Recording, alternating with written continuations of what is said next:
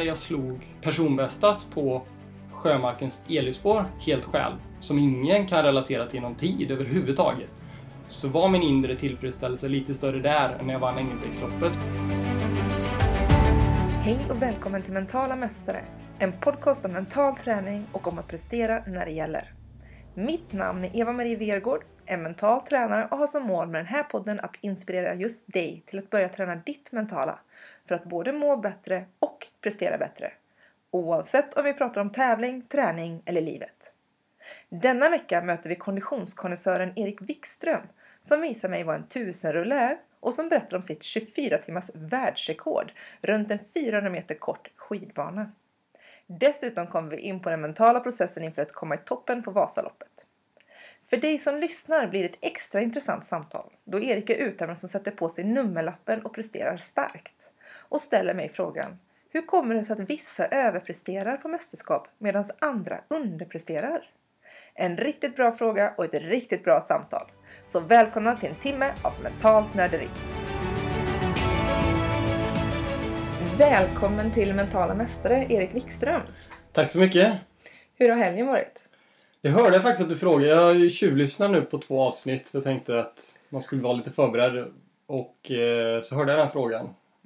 Så eh, då hade jag ju varit fördel att haft ett bra svar på det. Men eh, jag hade i alla fall en lugn helg med ingen tävling inom idrott och inget jobb i form av någon coaching eller föreläsning på ut, ute iväg någonstans. Så eh, det var skönt häng med familjen och vi hade vänner, träffade vänner både på fredag kväll och lördag kväll och barnen lekte med kompisar på lördagen och söndagen. Så det var ja, en härlig helg.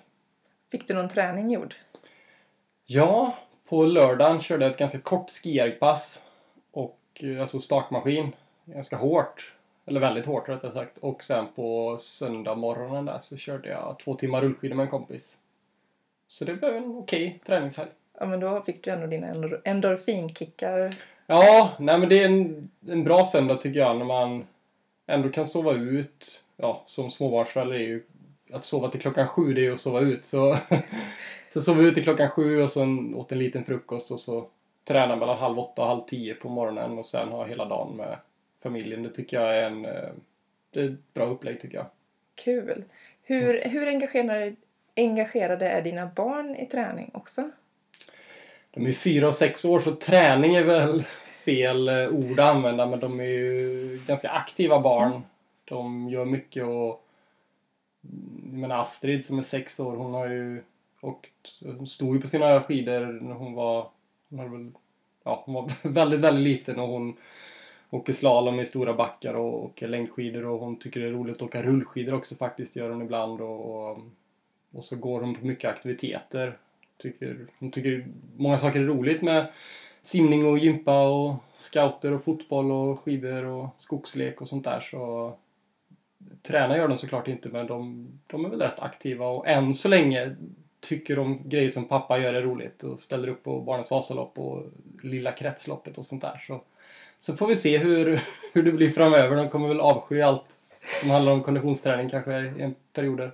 Ja, det, jag tycker ändå det är skönt just det här med ett aktivt liv, att det smittar av sig. Det, mm. Så egentligen så borde man ha frågat aktivt liv snarare än träning men mm. det blir någonstans en, den där aktiviteten beroende på hur man själv ser det. Men hur ser du? Ser du det som träning eller ett aktivt liv? Det jag själv bedriver? Ja. Ja, bra fråga. Nu, nu har jag ju gått från att idrotta väldigt seriöst till, till, eller inte väldigt seriöst, men att mer seriöst till att träna betydligt mindre. Men jag ser väl fortfarande mig själv som att jag tycker om att prestera inom idrotten. Även om jag kanske springer en mil långsammare år än, än, än förra året så vill jag ändå prestera när jag står på startlinjen. Jag ser det jag gör det för, framförallt för att jag tycker det är roligt men tiden är inte oväsentlig. Jag vill göra så bra jag kan utifrån förutsättningarna. Hur, när du säger det här just att göra så bra du kan utifrån förutsättningarna. För att jag mm. tycker det är ganska intressant. För nu använder du ordet prestation snarare mm. resultat.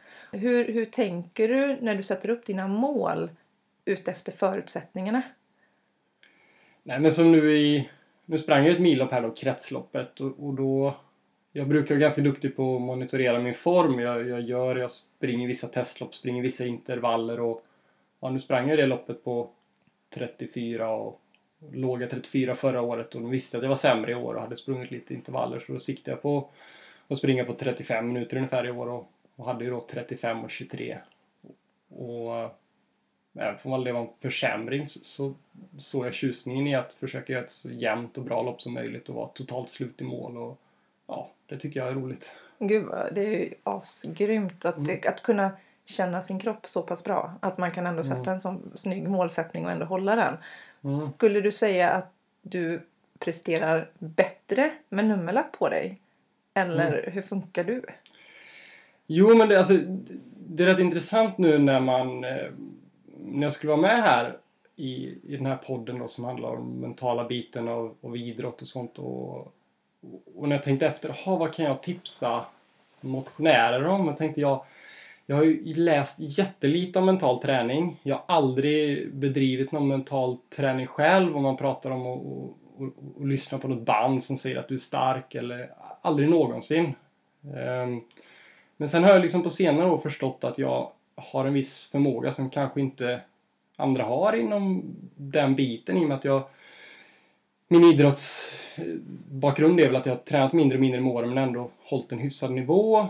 Och, och, ehm, och, det är vissa grejer som har fått mig att tänka efter. Till exempel var det för ett och ett halvt år sedan skulle jag åka Vasaloppet och så tränade jag med en kompis en vecka innan loppet och vi hade samma glid på skidorna och vi körde en timme så fort vi kunde och jag Nej, men jag orkade inte hänga med honom. Han åkte ifrån mig. Och sen när det var Vasaloppet så blev jag 72 och han blev 200 någonting. Och det har hänt väldigt många sådana grejer att jag, jag känner mig i bra form och jag tar i så mycket jag kan och jag har bra material på träning men mina kompisar åker ifrån mig och sen händer det någonting med nummerlappen. Och, och, och det har jag ju funderat mycket på vad det är för det handlar dels om man tar det korta loppet, till exempel ett millopp, då kan det ju handla om hur mycket du kan plåga dig själv. Men när det handlar om ett Vasalopp, det är ju på nio mil. Då, ehm, då handlar det inte om hur mycket du plågar dig själv för är det jättejobbigt efter en mil då kommer du inte orka oavsett om du har en stark skalle eller inte. Så ja, jag vet ju inte riktigt hur, jag är då, dålig på att ge tips men eh, det jag vet är att om, om jag har någon talang i livet så kanske det är dels drivkraft. Ja, logiskt tänkande har jag en viss talang för och, och sen är det ju drivkraft, och vilja vinna. Och I min barndom så, så den kompisen jag alltid lekte med då, Bisseving, vi, vi tävlade ju allting när vi var små. Det var ju liksom, ja men kastade man frisbee då var det ju tävling och skjuta bandy och fotboll tävling och, och våra pappor tävlade lite sinsemellan och ja, men det tävlades i allt. Och, och spel och, och den här viljan att vinna. Och även när man gjorde prov i skolan, då ville jag liksom i de ämnena som jag tyckte jag var själv duktig i, då ville jag ju vara bäst. Liksom. Jag ville vara bäst i matte på hela skolan, och vara bäst på proven. Eh, jag, var, jag har alltid varit väldigt ointresserad av betyg. Var det något bild, det var jag ju väldigt dålig på, det hade jag väldigt dåligt betyg, men de ämnen jag var bra på, då ville jag vara bäst i klassen. Så, så hela den här tävlingsbiten har väl kanske präglat min uppväxt. I mitt fall mest av godo. Sen det här med att hålla på och tävla i allt, det är ju på gott och ont såklart. Men i mitt fall har det nog, tycker jag, hjälpt mig i, på många plan. Och någonting som jag behöver fråga när jag hör detta, det är också vad definierar du som mental träning? Vad, vad får du för bilder av mental träning när du hör det?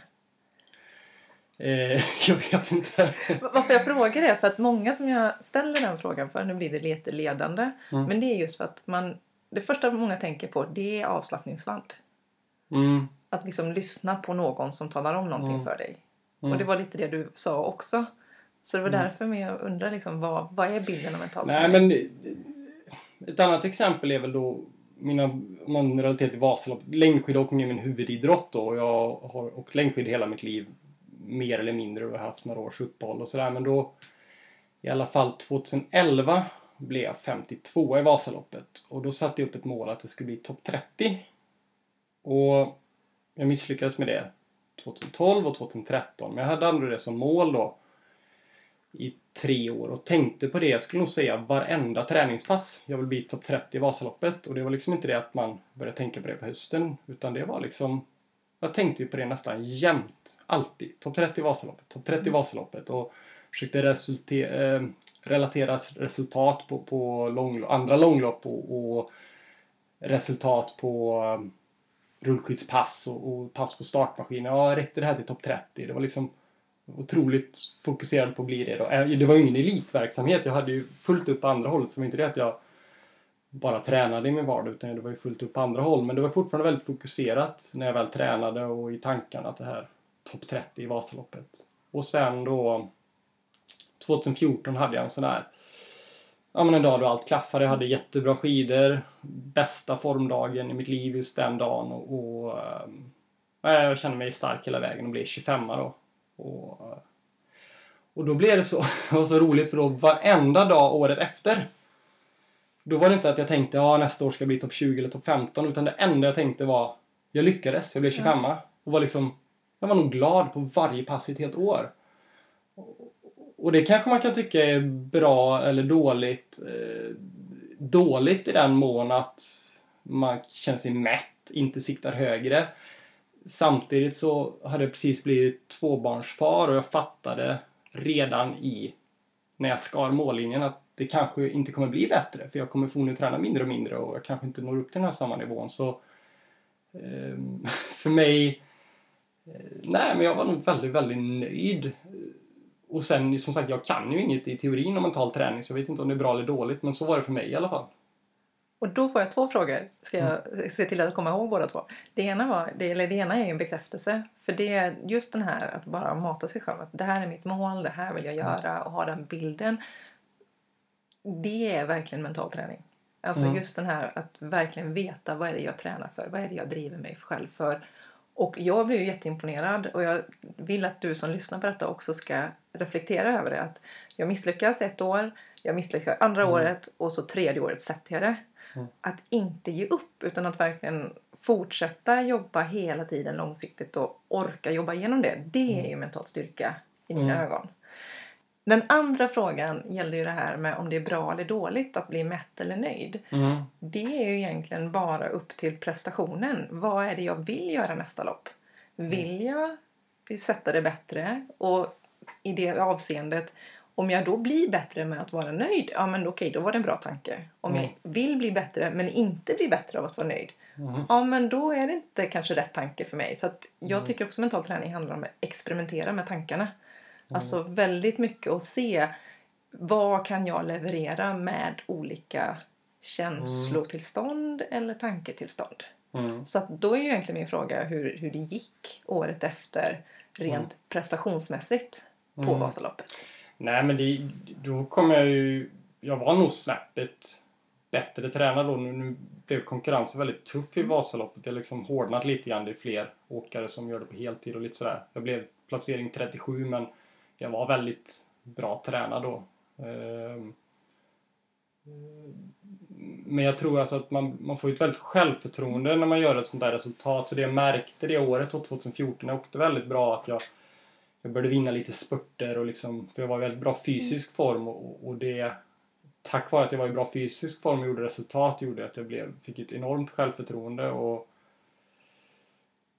liksom i när jag tävlar idag, jag har ju en trygghet i att eh, alltså jag bryr jag vet inte om det har med när man får barn att göra men jag bryr mig så lite vad andra tycker idag. Alltså jag, om jag åker ett sidningslopp om jag blir trea eller, eller sjua eller placering 13 det är liksom ja, jag, jag bryr mig inte så mycket. Vasaloppet vill jag prestera. Det skulle jag ljuga och säga om jag inte brydde mig. Där vill jag ju hellre bli 57 än 77. Där vill jag bli så bra som möjligt. Men de här småloppen, där bryr jag mig inte. Och då tycker jag det hjälper att jag har gjort en väldigt bra prestation som jag är nöjd med och att, eh, nej, att då är man lite mer stabil i det. Så att det är svårt att tagga till på de där loppen för mig kanske. Mm. Även, fall det- jag tycker om att tävla så, så taggar man alltid till lite mer på Vasaloppet. Var det likadant på de mindre loppen innan du fick barn? Just den här tilltaggningen? Eller men då taggar man ju på allt lite mer så. Ja. Då var man ju mer... Ja, nu är det mycket mer... Nej men överhuvudtaget nu, nu gör jag mitt idrottande är mer liksom att jag sätter upp några få mål för året. Sen kanske jag kör lite andra tävlingar så men alltså nu... ehm, i somras körde jag, sprang 100 kilometer ett lopp och jag har åkt 24 timmar på skidor och jag har åkt Nordenskiöldsloppet och alltså jag försöker liksom att och lägga ut några lite större mål som jag laddar ganska hårt mentalt för. Och Ultravasan har också sprungit 9 mil i terrängen. Och, och de här stora utmaningarna som jag ändå har försökt träna lite mer seriöst för och sådär och laddat för mentalt. Det jag har märkt är att det tar väldigt lång tid för mig att komma tillbaks. Mm. Um, när jag körde 24 timmar så tog det ungefär en månad för mig att det kanske tog en vecka fysiskt att komma tillbaka men det tog nog en månad mentalt för att ja men det var väl kul att träna men jag, det var inte det att jag körde intervaller på startmaskinen. Jag kände liksom att det fanns en så stor meningslöshet i det. Och likadant när jag sprang Ultravasan, jag lyckades väldigt bra där med mina mått mätt och det är klart att laddar man mentalt väldigt länge, alltså flera mm. månader, mm. kanske ett halvår, ett år inför ett lopp och, och, du springer eller åker skidor och du lyckas. Mm.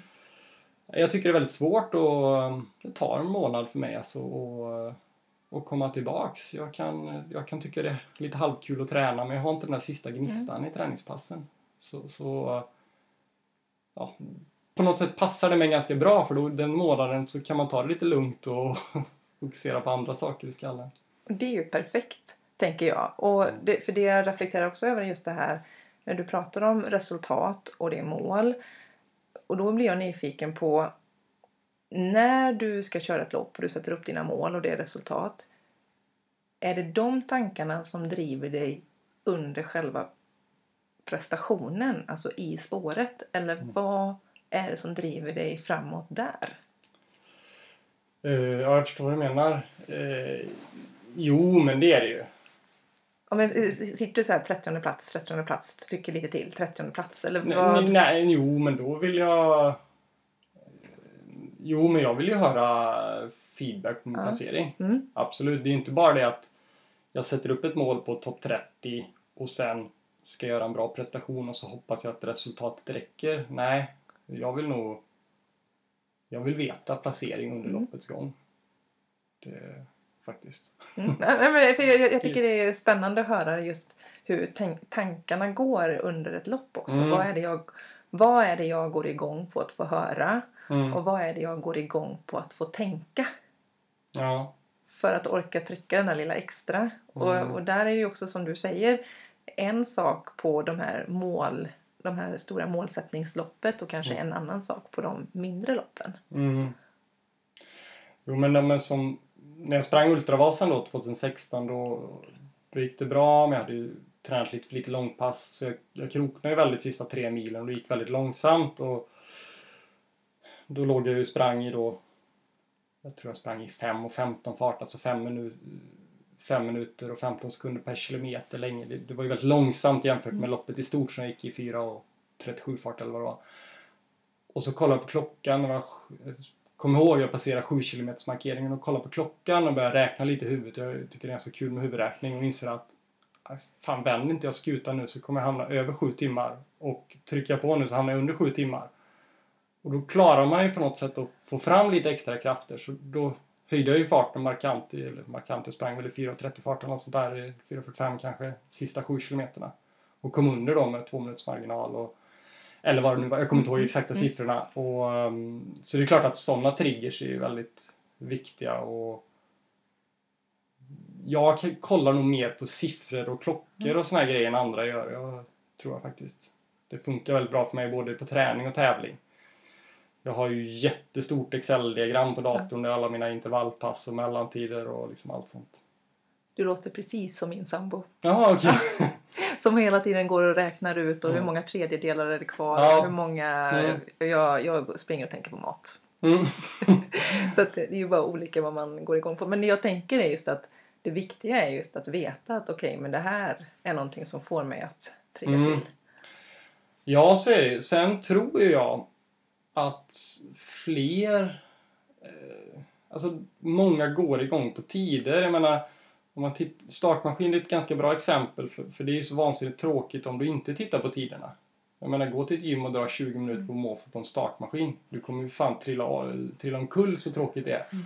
Men så fort du tittar på lite mellantider, lite effekt, lite frekvens, lite puls och så plötsligt så händer någonting i passet och du kör något intervallpass och du ska hålla en högre snittwatt eller en bättre snitttider på intervallerna än förra gången. Ja, går igång mer på sånt kanske än andra. Men jag tror att de flesta människor kan triggas ganska mycket av det. Eh, mer än de tror.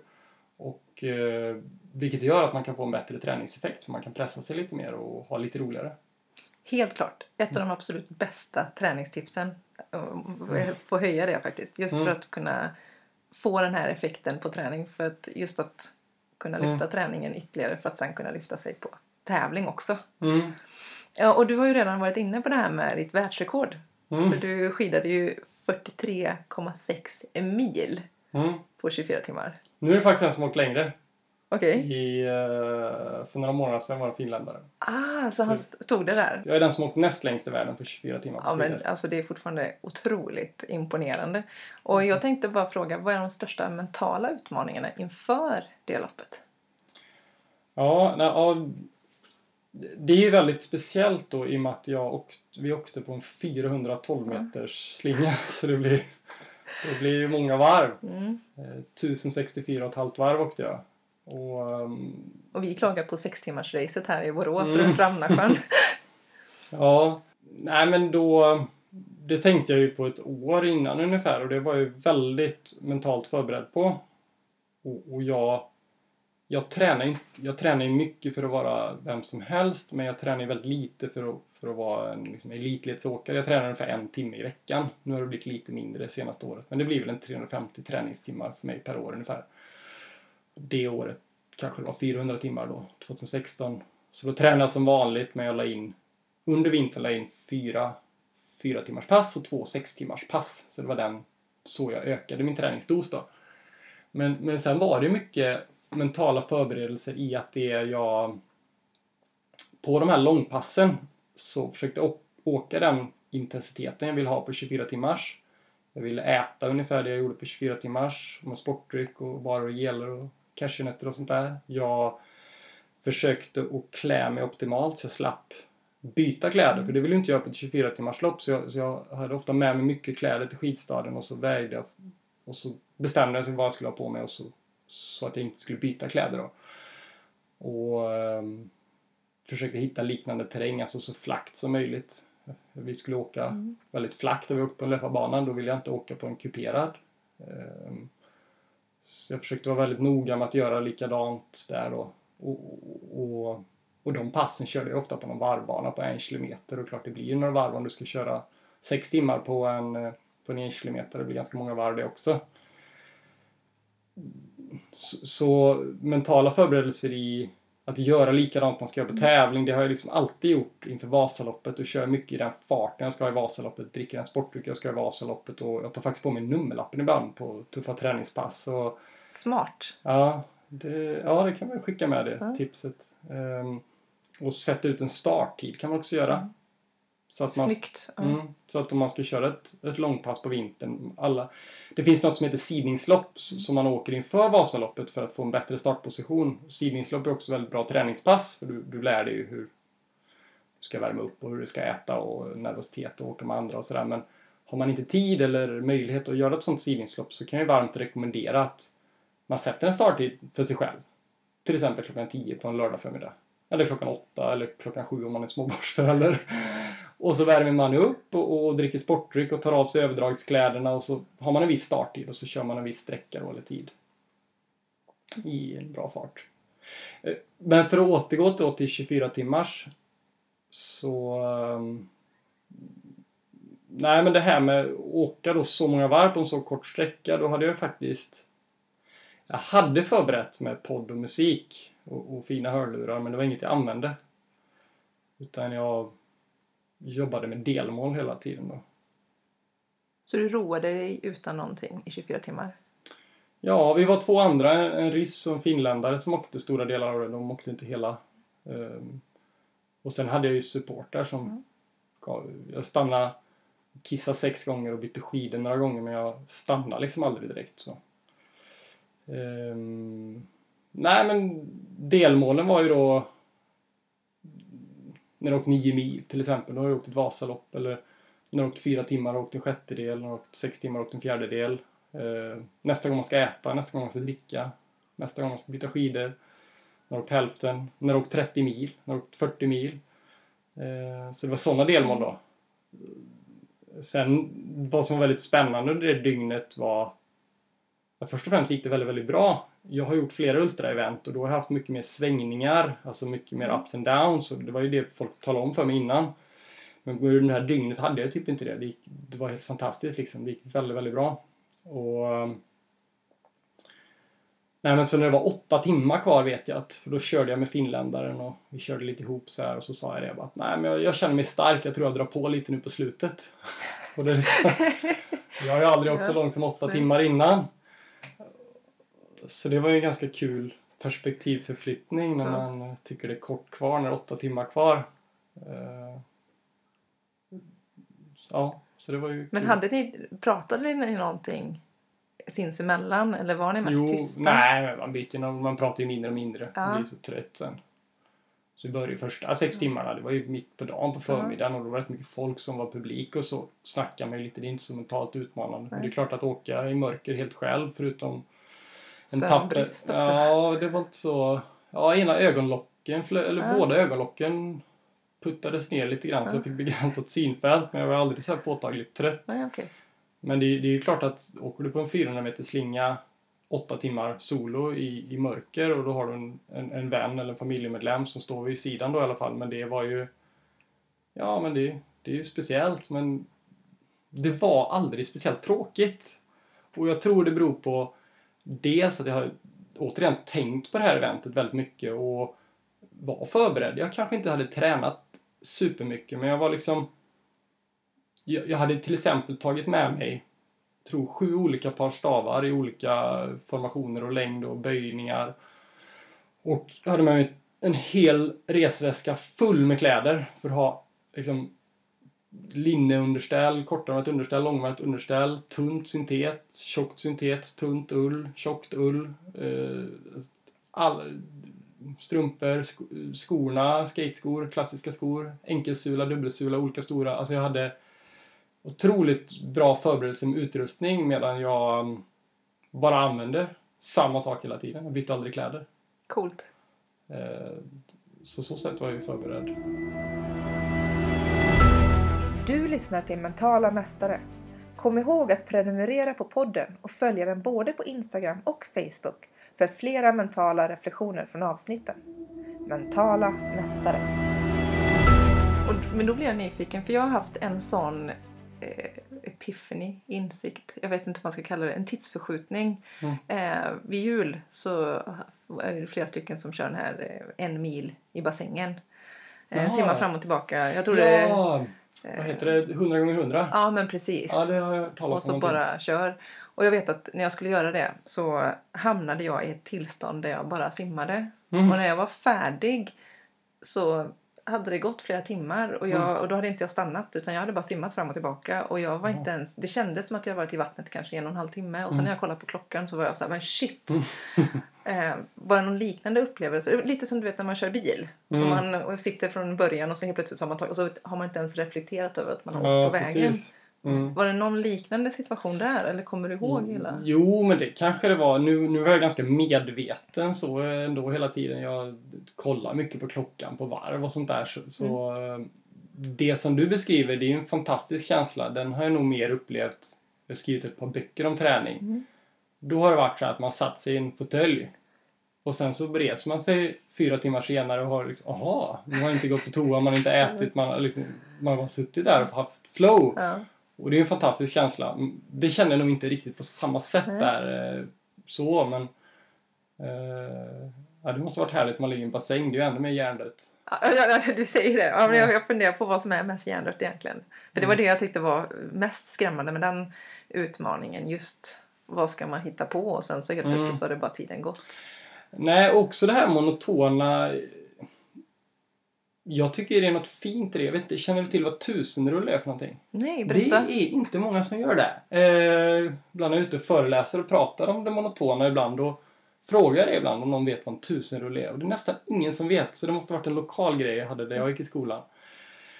Det är eh, som jag gjorde på lågstadiet tror jag. Du, du skriver, du tar ett sånt här rutigt papper så klipper du en remsa och så skriver du nummer 1, 2, 3, 4, 5, 6, 7, 8, 9 och så kanske du får plats med 30 nummer på en sida eller vad det är. Och så klipper du denna remsa. Och så fortsätter du på nästa remsa då, 31, 32. Och så tejpar du ihop dem. Och så kanske du skriver upp till 1000 och så rullar du ihop dem så blir det en rulle. Och, och då vet jag att jag skrev upp till 25 000 i skolan. Hade jättestor rulle då. Och det är en total hjärndöd grej. Men redan då på lågstadiet så fann jag väl någonting fint i det monotona och, och liksom har nog anammat det lite sen dess. Jag, när jag har tränat så har jag kunnat springa på ett elspår runt, runt, runt i liksom ett par mil. Jag tyckte att det var kanske meditativt och, och på något sätt är en fördel med det monotona, som till exempel din simning, det är att man slipper att ta beslut. När du är... Du tar ju egentligen inga beslut när du, du följer ett simpass heller. Du ska simma 50 meter med en arm och 50 meter med någon dolm och paddla eller vad det nu är de där simpassen. Men det här med att inte ta beslut tror jag är än mer viktigt för oss idag när vi tar så mycket beslut i vardagen och det är mycket stress och det ska väljas. Och det, du ska, man tar ju väldigt, väldigt många beslut och det skapar ju ångest och då att göra något riktigt monotont, att lägga en stenmur eller att eh, köra massa varv eller att eh, sådana där grejer tror jag är ganska hälsosamma för människan. Jag är helt enig med dig. Ja, Helt enig. Och nu, vi har satt i ett samtal med Tommy Söderberg ja fotbolls... precis häromdagen. Och eh, då kom vi in på just den här biten, just att det blir för mycket snabba puckar. Mm. Att det kanske inte är riktigt nyttigt för oss utan att det, det Mm. vore bra om vi bara har det här. Och det, jag menar, det är ju det, precis det du säger och jag tror att Mm. den, det, är någonting som kan verkligen ge oss också underlätta eventuella beslut längre fram. Ja, kanske. För jag läste någon studie nu nyligen om mindfulness och hur det egentligen Mm. påverkar prestationer. Mm. Och då hade man gjort någon tanke att eh, om du får eh, saker mot dig som du måste ja, men, hantera. Så om du har tränat mindfulness så har du lättare att ta ett beslut för den första delen och sen gå på den andra delen. Men alltså om du är mer, Mm. har en mer stressad hjärna så fastnar du i den första och det tar kanske bara ett par hundradelar sekunder extra innan du har processat vad det egentligen är du ser för att kunna gå till nästa. Mm. Och det tycker jag är ganska intressant. Det Ja. där. Och jag menar med tanke på att du själv också uttrycker att du är väldigt logisk och du har ju en bra intellektuell kvalitet eller vad man ska uttrycka det så finns det säkert samband där också. Ja. ja, det har jag inte tänkt. Det, är mindfulness, det har jag ju naturligtvis inte heller tränat då, men det antar jag är att springa i skogen är ju lite mind, Ja. mindfulness antar jag. Ja men det blir ju någon form, alltså sen kan man ju säkert, eh, det finns säkert definitioner för Mm. saker som jag är osäker på men eh, allting som gör att man kan vara här och nu. Mm. Och det är man ju verkligen här och nu många gånger i det monotona. Mm. För det, då finns inte riktigt utrymme för att göra mycket mer. Nej, nej precis. Ah, gud vad härligt det här var. Det blev jättebra samtal. Eh, men jag blev faktiskt nyfiken nu när jag lyssnade på dig och du berättade om det här. Vad, vad kallar du tusing? Tusenrulle. Tusenrulle? Jag har den, undrar om inte den ligger här kanske faktiskt. Har du, är du kvar sen alltså när du var yngre eller? Det här var faktiskt inte förberett. Nej? Oh my god! Nu tar Erik fram en alltså två decimeter i diameter rulle. Jag är väldigt dålig på att slänga saker. Ja. Vi sitter ju på mitt eh, kontor här. Mm. Ja, du ser ju mycket pärmar i bokhyllan. Jag kan säga att det är en femtedel bara som är jobbrelaterat. Resten är ju skit. Ser att det står räkneböcker Erik årskurs 1 till 3 där. Alltså det är helt fantastiskt. Ja, eller dåligt. Det beror på hur Ja man men ser alltså det. jag menar, aha. Ja, nej men så här är tusenrullen då i alla fall. Så jag ser att det står 25 000 på sista raden. Nej men du, kan, kan vi få ta en bild sen på det här? Tillsammans. Nej, men det här är jättehäftigt. Alltså, Mm. Bara att ha sparat det här så det är inte bara, det är inte bara en anekdot utan det finns det är liksom en ja. fysisk form av anekdoten. Mm. Vem var det som kom på det här? Eller var det någonting hela klassen gjorde? Ja, det var hela klassen gjorde. Jag gick på är 82, jag gick på Sjömarkenskolan i Borås när jag var liten. Eh, ja, vad hette hon? Gunilla Nilsson hette min lärare där. Och det var hennes idé? Det vet jag inte var hon hade fått ifrån. Nej. Men hur, och de andra? Var, det någon, var, du bäst? Bäst. Jag hade tråkigast. Jo, men jag hade väl den största rullen, det tror jag.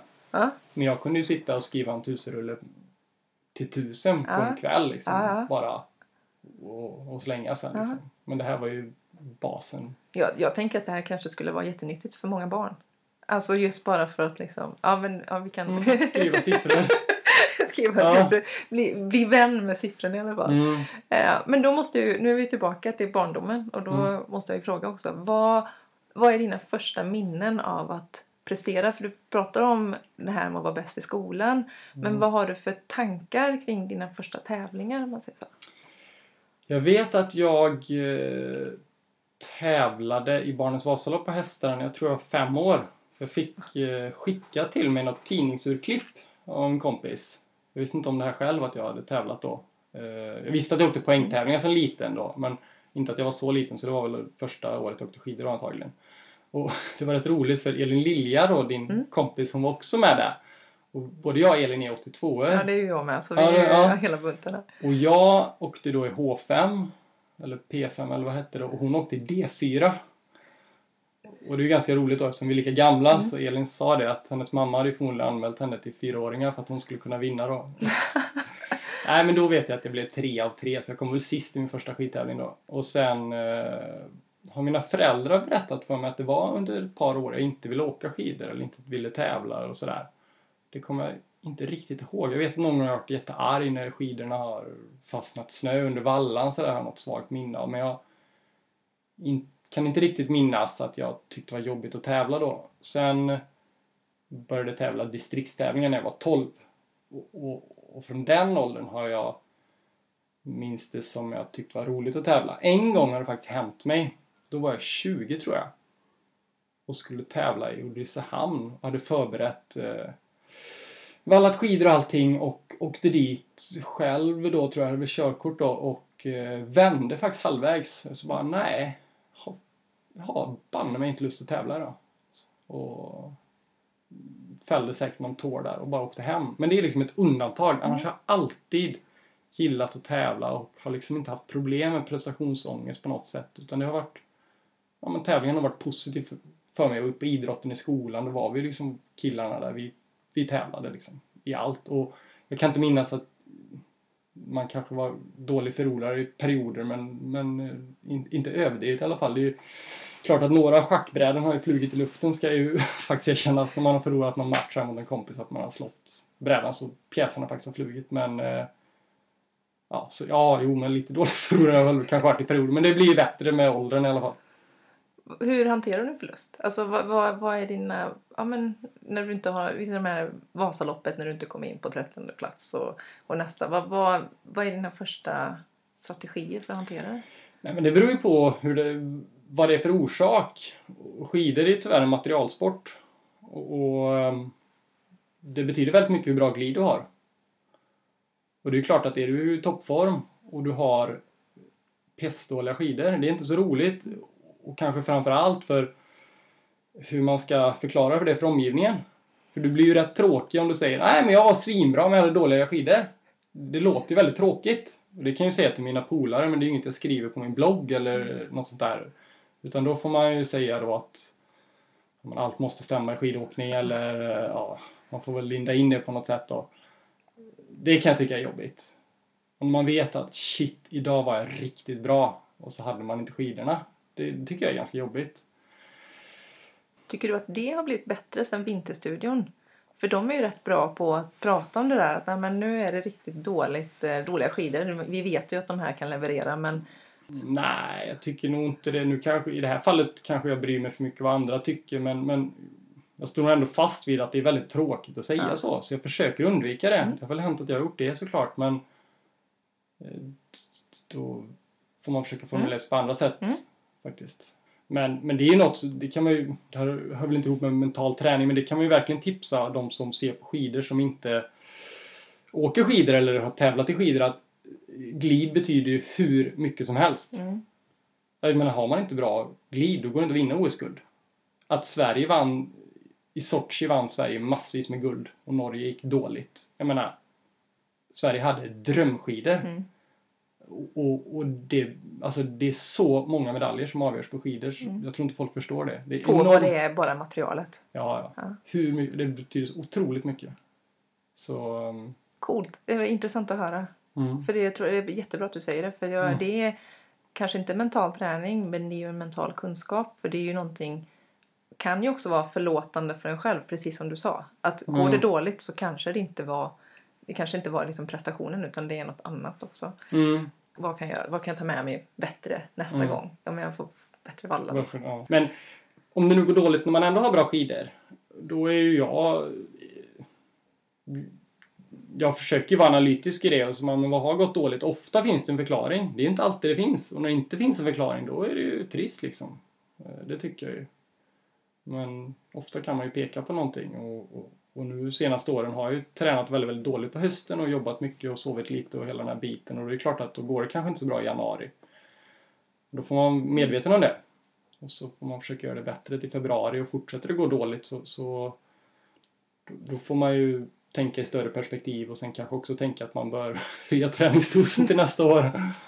Men när du säger att det går dåligt, är det framförallt en tid jämfört med dina egna förutsättningar? Så du Ja, ja. försöker hela tiden hålla liksom... Ja, ja, alltså Mm. man jämför ju alltid med sig själv.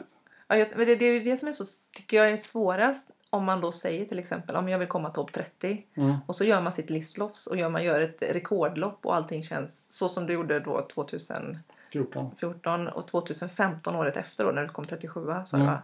Att man gör ett riktigt bra lopp men att konkurrensen då har ökat. Mm. Vilket innebär att egentligen prestationsmässigt var det ju fantastiskt gjort av mig själv. Mm. Men det räckte inte. Vad går tankarna då? Jo, jag vet att många pratar om just det här prestation versus resultat. Och man kan ju bara göra sitt eget bästa men eh, jag drivs nog av eh, både resultat och prestation, inte enbart av prestation. Och jag, jag kan ju tycka att bli den bästa versionen av sig själv är ju en stor drivkraft för mig. Och två liksom, test jag haft på mig själv. Dels att köra 5000 meter startmaskin så fort som möjligt och det är dels att springa två varv på Sjömarkens elljusspår så fort som möjligt. Och båda de grejerna tar ungefär 18 minuter. Eh, alltså 2014 vann jag även Engelbrektsloppet. Det är ett lopp som ingår i en svensk klassiker. Och, och det var ju jättekul att vinna ett sånt lopp.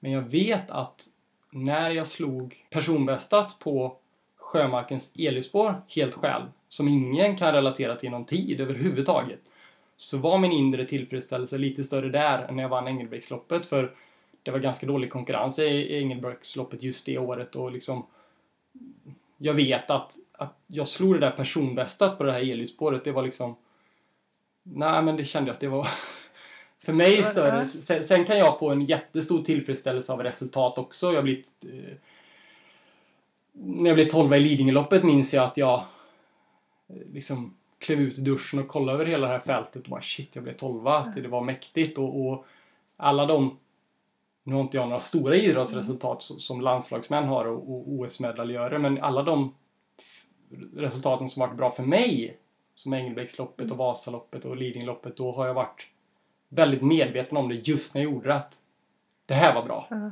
och kunnat njuta i stunden och det, och det är jag väldigt glad för.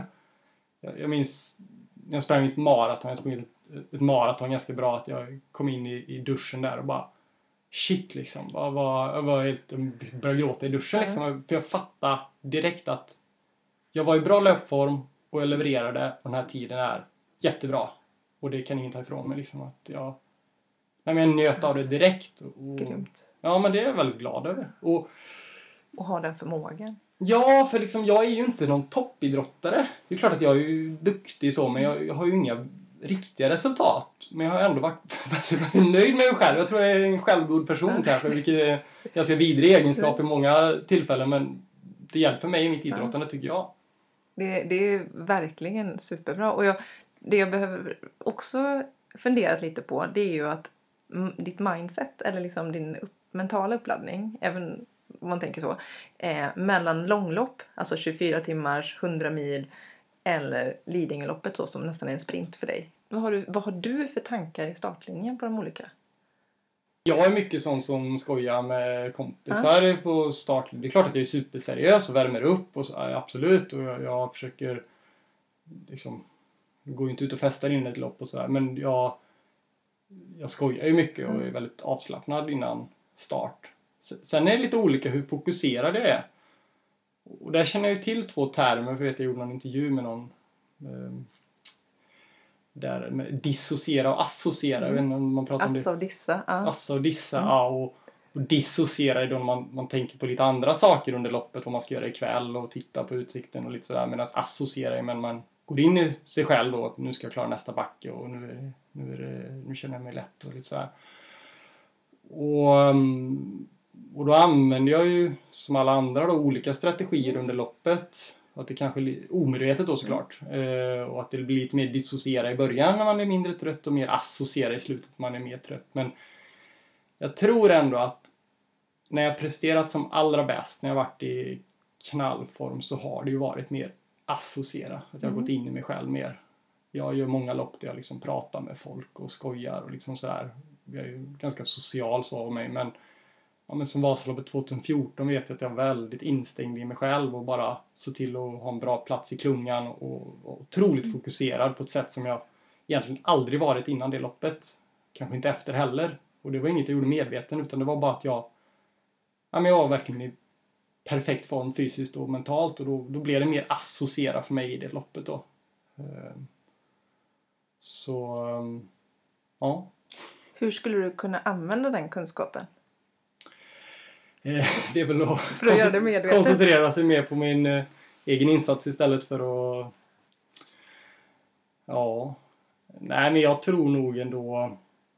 Alltså, ja, man, man behöver kanske båda de här. Mm. Att tänka på helt andra grejer och tänka in i sig själv under ett lopp. Framförallt ett långt lopp. Men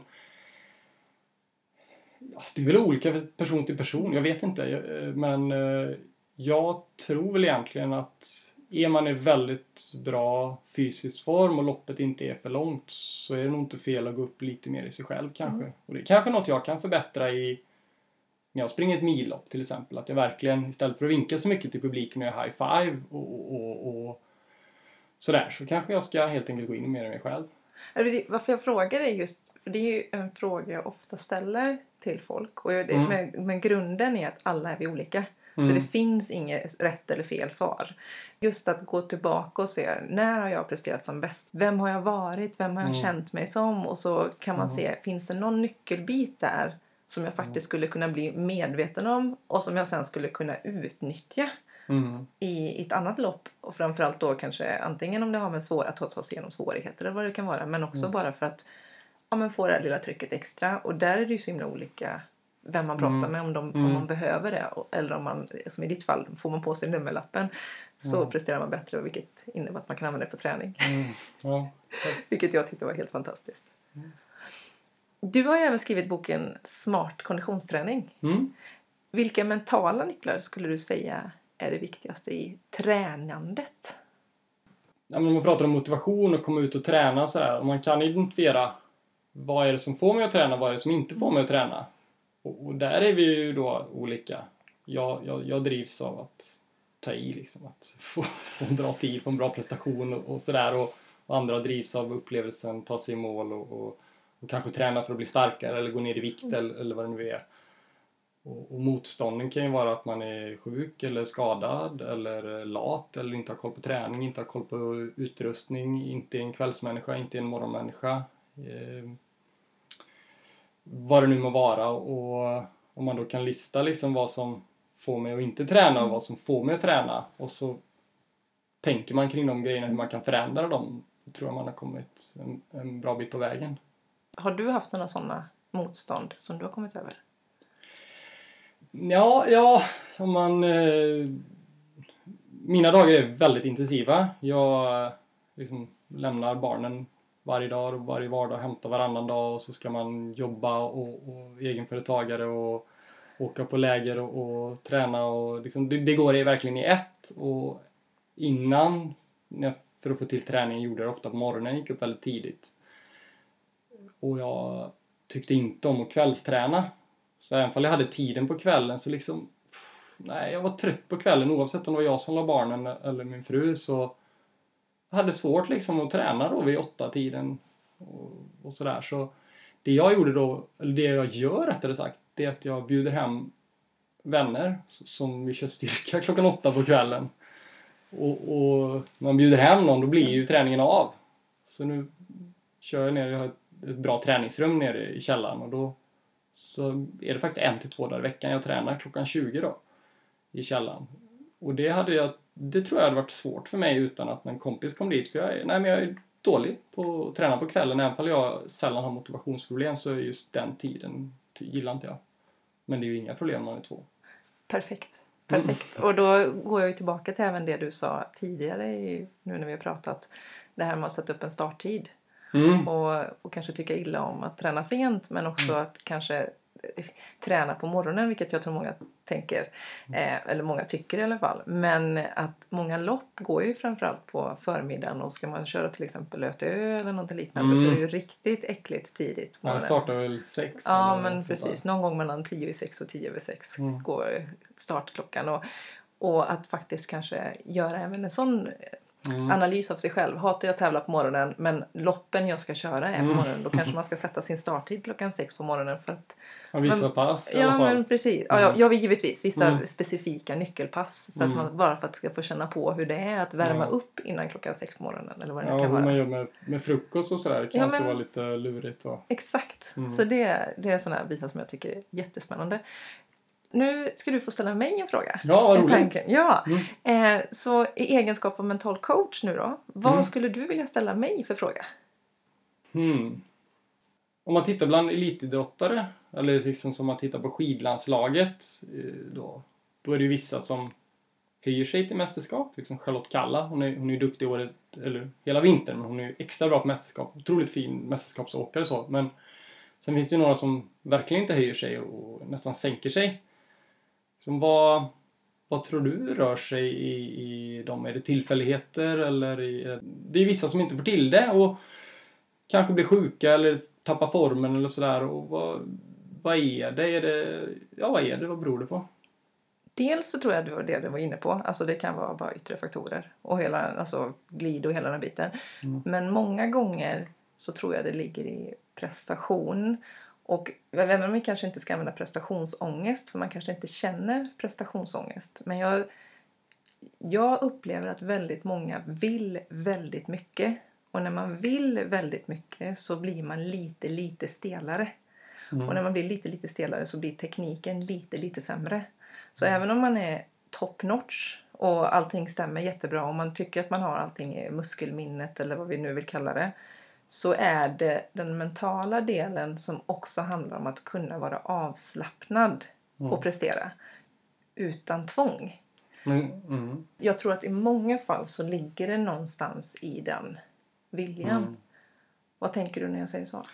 Nej, men så kan det vara. Och då att man då kanske spänner sig lite lätt och då, då blir man också fysiskt sämre då kanske. Ja, alltså... Jag vet inte om du har upplevt det någon gång, men just när man, när man vill väldigt mycket. Och jag menar, det kan ju vara millimeterskillnader som gör att Mm. den lilla spänningen gör att man kanske inte...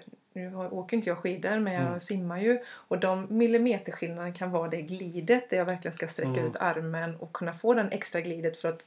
Men jag kanske sparar en hundradel sekund för varje armtag jag tar. Mm. Och säkert samma sak när man åker skidor. Men att om det då försvinner för att jag blir lite Mm. stelare. Plus säkerligen det som du kanske är inne på. Eh, mjölksyratrösklar eller eh, Mm. alltså fysiologin i själva musklerna också. Mm. Att om jag hela tiden ligger inte riktigt där jag brukar vara. Då Mm. kommer ju muskeln att bli snabbare utmattad. Mm. Ja, precis. För mig så är ju, för det är det som jag tycker är en fördel. Det har jag sagt flera gånger i podden, men just att jag tycker är en fördel att jag är biolog, biolog i grunden. Så för mig är mental träning väldigt mycket kopplat till fysiologi. Det Ja, vill säga det. hormonbalanser och, Mm. och hela den där biten för att hamna rätt även i fysiologin. Men hur kommer man, eh, kommer man över en sån grej? Visualiseringar, Mm. eh, målsättningar. Alltså, det, det är ju då ofta man pratar om att man kanske inte ska sätta resultatmål utan Mm. man ska sätta prestationsmål för det kan vara mer avslappnande. Mm. Eh, in, här är att intala sig själv. Jag är ju väldigt mycket mer för att man kanske ska prata med sig själv. Men Mm. det beror ju på vad man vill, vad man vill komma åt. Mm. Olika sådana strategier. Skratta. Alltså det som, alltså just det här eh, kanske för en, en person att, Mm. att verk- verkligen high-fivea publiken Mm. kan göra att man tar ner allvaret och det Mm. tar ner allvaret gör att man blir lite lättare i kroppen, slappnar Mm. av i musklerna och faktiskt springer snabbare. Mm. Medan en annan person kanske måste Mm. Inte high-fivea för att liksom bibehålla. Och det är det jag tycker är spännande i, i min egenskap av mental coach. Att Ja. försöka hitta vad är det den personen behöver. Ja. Inte vad alla människor behöver utan just den människan Ja. behöver just i det läget på den prestationen. Det där med prestation versus resultat. Det känner jag igen det här Mm. resonemanget. Det känns som att det har kommit lite grann senaste, inte vet jag, senaste åren. Senaste decenniet. Eller det kanske är något man har pratat om länge. Alltså vi har ju pratat om det så länge jag har hållit på med idrottspsykologi. Jag var 16 år första gången. Eh, Mm. Ja, okej. När jag började med det. Och det var ju Mm. när jag var Borås Ryttarförening. Men då fick vi träffa, träffa Magic M7s mentalcoach. Mm. Och redan då började han prata om just att fokusera på prestationen. Mm. Och, och där tror jag också många missförstår. För det handlar ju inte om att inte vilja vinna Nej. OS-guldet. Mm. Men det handlar om att i prestationsögonblicket fokusera på vad man ska göra. Mm. Men återigen, beroende på vem jag är. För Mm. det är därför jag inte kanske kan säga rent generellt så är det det här som gäller och det Mm. gäller för alla. För att sen har man, jag brukar alltid skoja och säga Carolina Klüft versus Zlatan. För det är ganska två olika mindset Mm. just där liksom. Mm. Problemet är ju i tidningar att det blir tråkigt att läsa.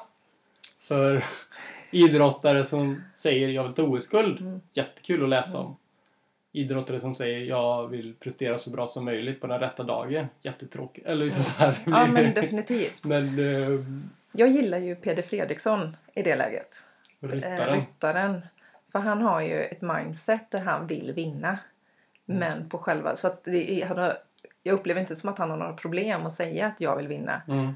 Men att hans fokus under tävling Ja, det. är uppgiften. Mm. Det, blir väldigt, det är också det som är farligt. Det blir väldigt lätt svart eller vitt. Att jag får inte säga Mm. att jag vill vinna och då Mm. kommer jantelagen in. Och jag hatar jantelagen. Mm. Alltså jag vill ju vinna. Alltså det är som du säger, jag vill vara bäst. Och det ska vara någonting som vi premierar. Att ha det mindsetet. Men att då se vad är det som jag behöver mm, i prestationsögonblicket. Då kanske jag behöver ta ner Mm. trycket på mig själv. Antingen inifrån eller utifrån. Riktigt bra fråga. Riktigt bra fråga. Mm. Och jag brukar alltid avsluta sen eh, podden med att fråga dig vem du skulle vilja att jag intervjuar och om det finns någon fråga du skulle vilja att jag ställer den personen. Ja, det hörde jag också i podden här när jag tjuvlyssnade på två avsnitt. Och så tänkte jag lite på det och sen har jag inte tänkt på det mer. Men det namnet som kom upp var faktiskt... Jag är ju lokalpatriot, jag gillar ju Borås.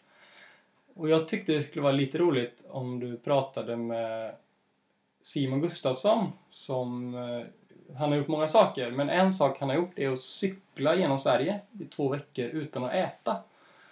Eh, What? Hur man... eh, Hur det, den mentala grejen funkar. Alltså han... Jag tror han drack bikarbonat och vatten. Och så tillförde han ingen energi på två veckor. Hur... Ja, dels hur man tänker varför då, och hitta ett bra why och liksom hur... Vad man tänker när man är hungrig efter fem timmar in i ett event som ska pågå i två veckor och hur... Ja, jag tror det skulle finnas många intressanta aspekter och, och, ur, ur den biten då. Bra förslag. Mm. Jag hoppas att du har hans e-mail. Ja, jag är. Ja men superbra. Tack Erik för ett riktigt bra samtal. Ja, tack, Tack. själv. Roligt.